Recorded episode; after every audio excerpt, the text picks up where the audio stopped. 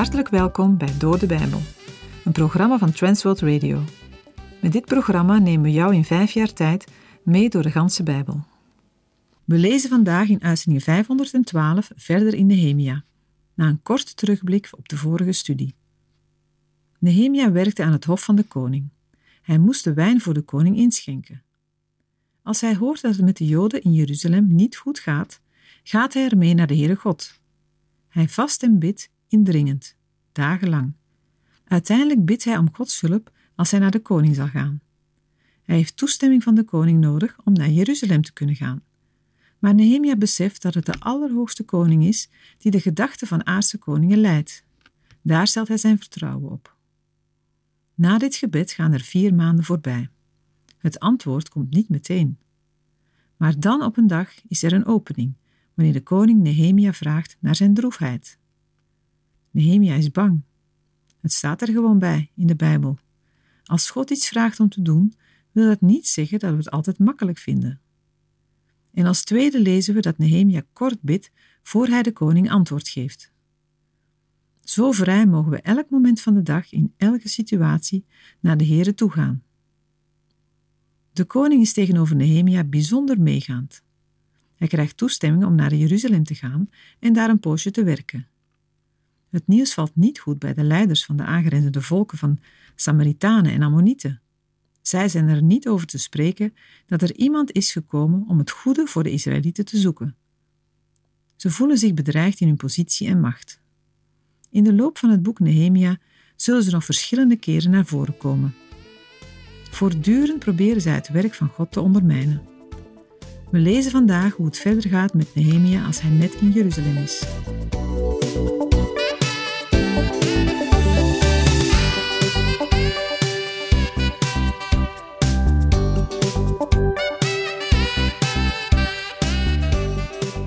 In de vorige uitzending hebben we gelezen dat Nehemia aankomt in Jeruzalem en na drie dagen erop uittrekt voor een inspectietocht langs de muur.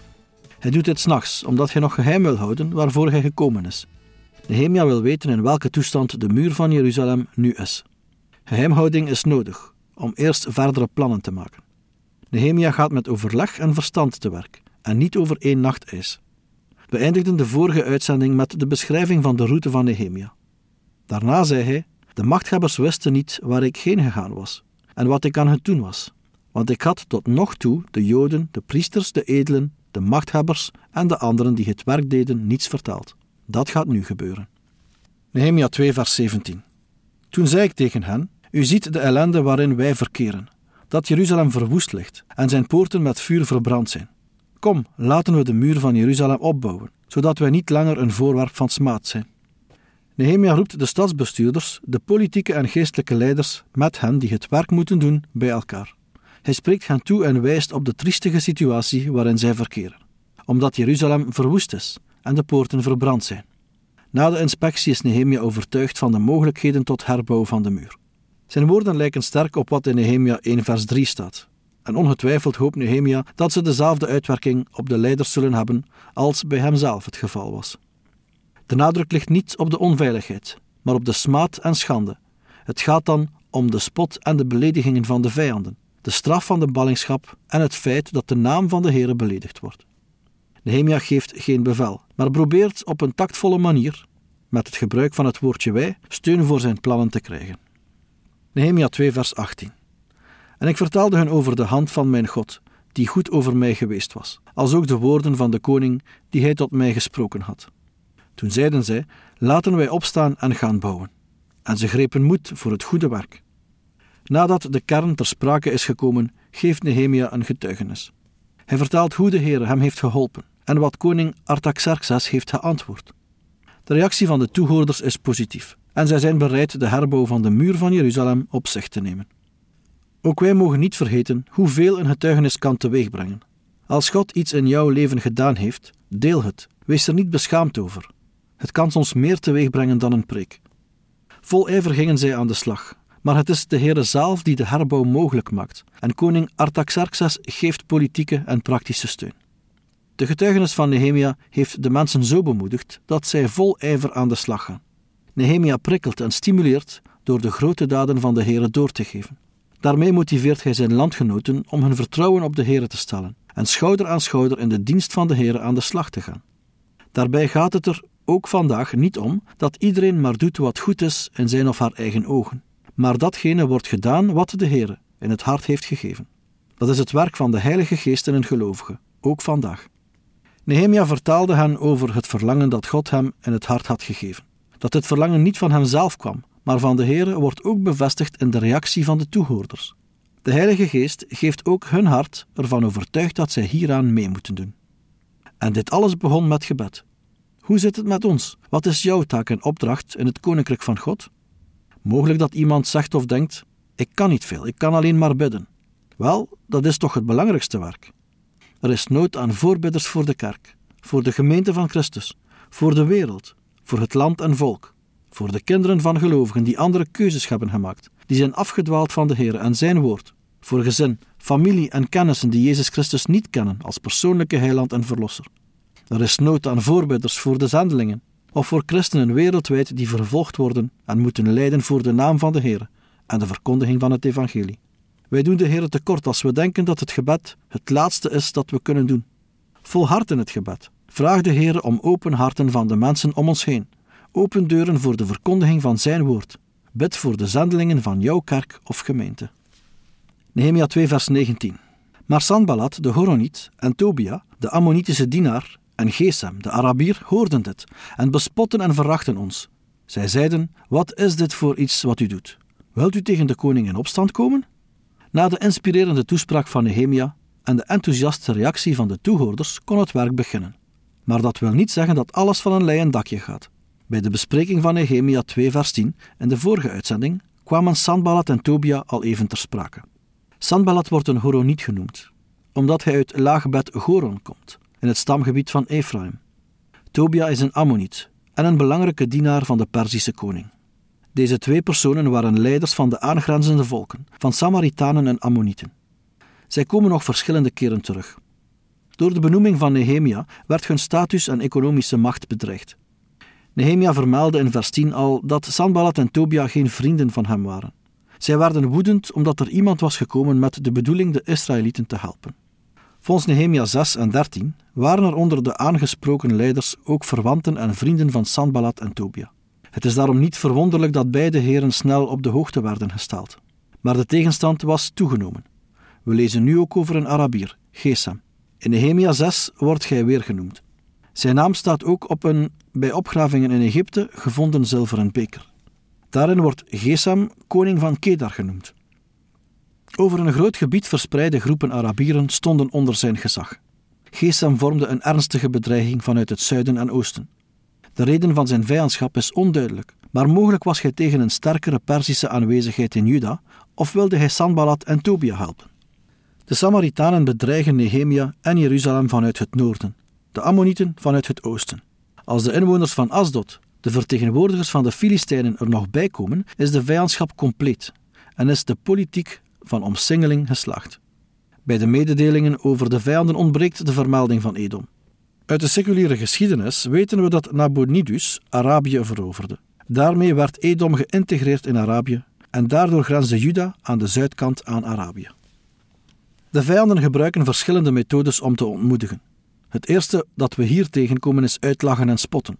Spot en minachting zijn machtige wapens als gewone argumenten niet meer helpen. Vooral in een cultuur die meer gevoelig is voor schaamte dan de onze. Ook in het Nieuwe Testament heeft Christus zijn volgelingen voorgehouden dat hun beledigingen, vervolgingen, leugens en laster kan overkomen. De tegenstanders van Nehemia grijpen terug op de beschuldiging van opstand, destijds geuit door Rechem en de zijnen, waardoor het werk stil werd gelegd. Een concreet voorbeeld van spot gaan we ook lezen in Nehemia 4. In Nehemia 6 komt Sanballat opnieuw met de beschuldiging van opstand. Nehemia en de zijnen werden door de vijanden uitgelachen. Daarmee probeerden zij hen van de herbouw van de muur en de poorten af te houden. En wat doet Nehemia? Nehemia 2, vers 20. Toen gaf ik hun antwoord en zei tegen hen: De God van de hemel, hij zal ons doen slagen, en wij, zijn dienaren, zullen opstaan en gaan bouwen. Maar u hebt geen deel, geen recht en geen herinnering in Jeruzalem. Nehemia begint zijn antwoord met het godsdienstige aspect. De God van de hemel heeft hem geroepen tot deze taak, en daarin ligt de zekerheid van het slagen van de plannen. Hij en de inwoners van Jeruzalem zullen gehoorzamen en de muur herbouwen. Na het godsdienstige aspect komt er een juridisch punt. Nehemia is benoemd als gouverneur en landvoogd van Juda. De tegenstanders kunnen daar geen rechten laten gelden. Sommige uitleggers vermoeden dat het hier gaat om een recht om deel te nemen in de tempeldienst, maar het is niet zeker of dit bedoeld wordt. In ieder geval is duidelijk dat Nehemia zijn tegenstanders alle rechtsbevoegdheid in Jeruzalem ontzegt. Net als Serubabel laat ook Nehemia de andere volken niet meedoen. In Ezra 4 vers 3 hebben we gelezen Maar Zerubabel en Jesua en de overige familiehoofden van Israël zeiden tegen hen Het is niet aan u en aan ons om samen een huis voor onze God te bouwen. Want wij alleen zullen het bouwen voor de Heere, de God van Israël, zoals koning Kores, de koning van Perzië, ons geboden heeft. Die wet van Meden en Persen geldt niet alleen voor de tempel, maar ook voor de muur van Jeruzalem. Nehemia toont zich in dit hoofdstuk een voorzichtig en zorgvuldig leider, die met Gods hulp zijn volksgenoten aanspoort om het goede werk op zich te nemen. Als het nodig is, kan hij ook duidelijk de grenzen aangeven. In zijn optreden vormen afhankelijkheid, gebed tot God, voorzichtigheid en besliste actie een eenheid. Maar wie het goede zoekt voor Jeruzalem en de Israëlieten wordt niet altijd begrepen. Jodenhaat en antisemitisme hebben diepe wortels. Vanuit het geloof in de levende en handelende God is het niet nodig om te blijven steken in het zien van puinhopen, maar mag een gelovige gericht zijn op Gods toekomst en van daaruit handelen. Dat betekent niet dat al onze initiatieven zullen slagen. Wel mag er vertrouwen zijn op de hulp van God als we ons volledig afhankelijk van Hem opstellen en luisteren naar Zijn woord en geest. Als we de Heere dienen, worden we betrokken in een geestelijke strijd, waarin de tegenstelling goed en kwaad vaak tot uiting komt. We gaan naar het volgende hoofdstuk. Nehemia 3 geeft een overzicht van wie waar werkte aan de muur van Jeruzalem. Nehemia heeft als leider velen kunnen motiveren tot het eensgezind werken aan de herbouw van de muur. Ruim 40 deelprojecten worden gelijktijdig gestart en afgerond in ongeveer twee maanden. Indirect krijgen we in Nehemia 3 veel informatie over de geografie van Jeruzalem en over de Perzische provincie Jehud, het gebied van het tweestammenrijk Juda. Uit allerlei steden en dorpen van Juda en Benjamin komt hulp, zodat Jeruzalem wordt hersteld en de smaad wordt weggenomen. Allerlei details in de beschrijving zijn nog onduidelijk, maar recente opgravingen bieden hier en daar hulp bij de interpretatie. Een belangrijke vraag is hoe groot de stad geweest is die herbouwd werd. Er zijn in hoofdzaak twee standpunten. Jeruzalem was een kleine stad, ongeveer zoals in de tijd van Salomo, of een grote stad, zoals in de tijd van Hiskia. Aan het eind van Nehemia 3 worden deze twee standpunten met elkaar vergeleken. Op grond van de genoemde argumenten lijkt een grote stad aannemelijker. Nehemia 3 vers 1 Toen stonden Eliasib, de hoge priester, en zijn broeders, de priesters, op en herbouwden de schaapspoort. Zij heiligden die en plaatsten de deuren ervan. Tot aan de honderdtoren heiligden ze hem, tot aan de Hananeel-toren. De lijst van hen die de muur herbouwen gaat van groep tot groep rond in een richting tegen de klokken. Het begin en einde van de beschrijving is de schaapspoort in het noorden. De beschrijving is gegeven vanuit de voltooide situatie, terwijl Nehemia in zijn memoires een vroegere situatie beschrijft. In Nehemia 6 vers 1 is de muur opgebouwd, maar zijn er nog geen poortdeuren geplaatst. Hier hebben we gelezen dat de poortdeuren ook zijn aangebracht. Nehemia schrijft op andere plaatsen in het Bijbelboek in de eerste persoon, enkelvoud, maar in Nehemia 3 in de derde persoon. Aan het begin van de lijst staat de hoge priester Eliasib. Eliasib de hoge priester is een kleinzoon van Jesua, teruggekeerd met Serubabel, en zoon van Joachim. Nehemia kreeg de steun van de hoge priester bij zijn werk. Anderen werkten aan de muur bij het huis van Eliasib. Eliasib herbouwt met de priesters de schaapspoort. De schaapspoort, ook genoemd in vers 32 en Nehemia 12 vers 39, vinden we aan de noordkant van de stadsmuur, dicht bij het bad Bethesda. Het is ook het hoogste punt van de muur. Alle andere delen van de muur liggen lager. De naam is ontleend aan de schapen die hierdoor kwamen voor de offers in de tempel. Het belang van de priesters bij dit gedeelte is duidelijk. Zij brengen deuren aan en wijden het geheel. Dat gebeurt ook met de andere genoemde torens. Het gastel begon bij de schaapspoort. Het is ook de poort waar later de Heer Jezus de stad binnenging. In Johannes 5, vers 2 lezen we over de schaapspoort en de vijver Bethesda. Daar genas de Heer Jezus een man die al 38 jaar ziek was. De symbolische betekenis van de schaapspoort wijst naar het kruis van Christus. Al de schapen die door deze poort naar de tempel werden gebracht, verwijzen naar de verzoeningsoffers en uiteindelijk naar het offer van Christus. De Heere vraagt ons niets anders dan dat wij Christus als onze redder aanvaarden. Naast de schaapspoort worden er twee torens vermeld. In Nehemia 12, vers 39 wordt duidelijk dat er twee afzonderlijke torens waren: de Honderdtoren en de Gananeel-toren, langs de noordelijke muur. Waarschijnlijk waren ze verbonden met de tempelburcht van Nehemia 2, vers 8. De Mea of Honderdtoren wordt verder niet meer vermeld in de Bijbel. Heeft de naam 100 te maken met het aantal bewakers of met de afmetingen? De Hananeel-toren wordt ook genoemd in Jeremia 31 en Zacharia 14. Op basis daarvan kan deze toren het meest noordelijke punt van de stad geweest zijn. In de harde rotsgrond zijn nog sporen te vinden waar deze torens kunnen gestaan hebben. Jeruzalem werd aan verschillende kanten omringd door dalen, maar aan de noordelijke kant was de stad het moeilijkst te verdedigen. Daarom werden daar extra torens gebouwd. Nehemia 3, vers 2. Daarnaast waren de mannen van Jericho aan het bouwen. En daarnaast bouwde Zakur, de zoon van Imri. Mannen uit Jericho zijn bereid mee te helpen, wat alleen verklaarbaar is vanuit hun grote belang bij de herbouw van Jeruzalem. De topografie vereist een hoek of bocht in de muur. De muren moeten al gauw twee meter breed zijn geweest. In verband met de koorgroepen waarover we in Nehemia 12 lezen. Nehemia 3, vers 3. De vispoort bouwden de nakomelingen van Senaa. Zij maakten er zoldering in en plaatsten de deuren ervan, met zijn sluitbalken en zijn grendels. De vispoort dankt waarschijnlijk zijn naam aan de kooplieden die uit Tyrus of uit het meer van Galilea er hun vis binnenbrachten voor de vismarkten. In de poorten waren soms ruimten voor bewakers. Vandaar dat we lezen over grendels, sluitbalken en deuren.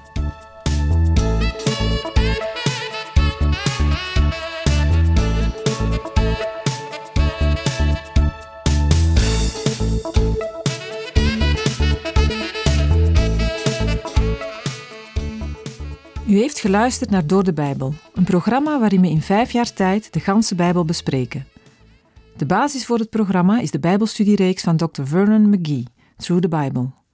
Deze werd in het Vlaams vertaald en bewerkt door Transworld Radio. U kan elke werkdag naar een nieuwe uitzending luisteren en u kan ook steeds voorbije uitzendingen opnieuw beluisteren of downloaden. Als u wilt reageren op deze uitzending of u heeft vragen, dan kunt u uiteraard contact met ons opnemen. U kan een e-mail sturen naar doordebijbel.twr.be. Verder kan u op onze site terecht, www.twr.be, voor meer info en het beluisteren van onze overige programma's. Dit programma werd gepresenteerd door Patrick Couchement en Anne Notenboom. Wij danken u voor het luisteren en graag tot een volgende keer.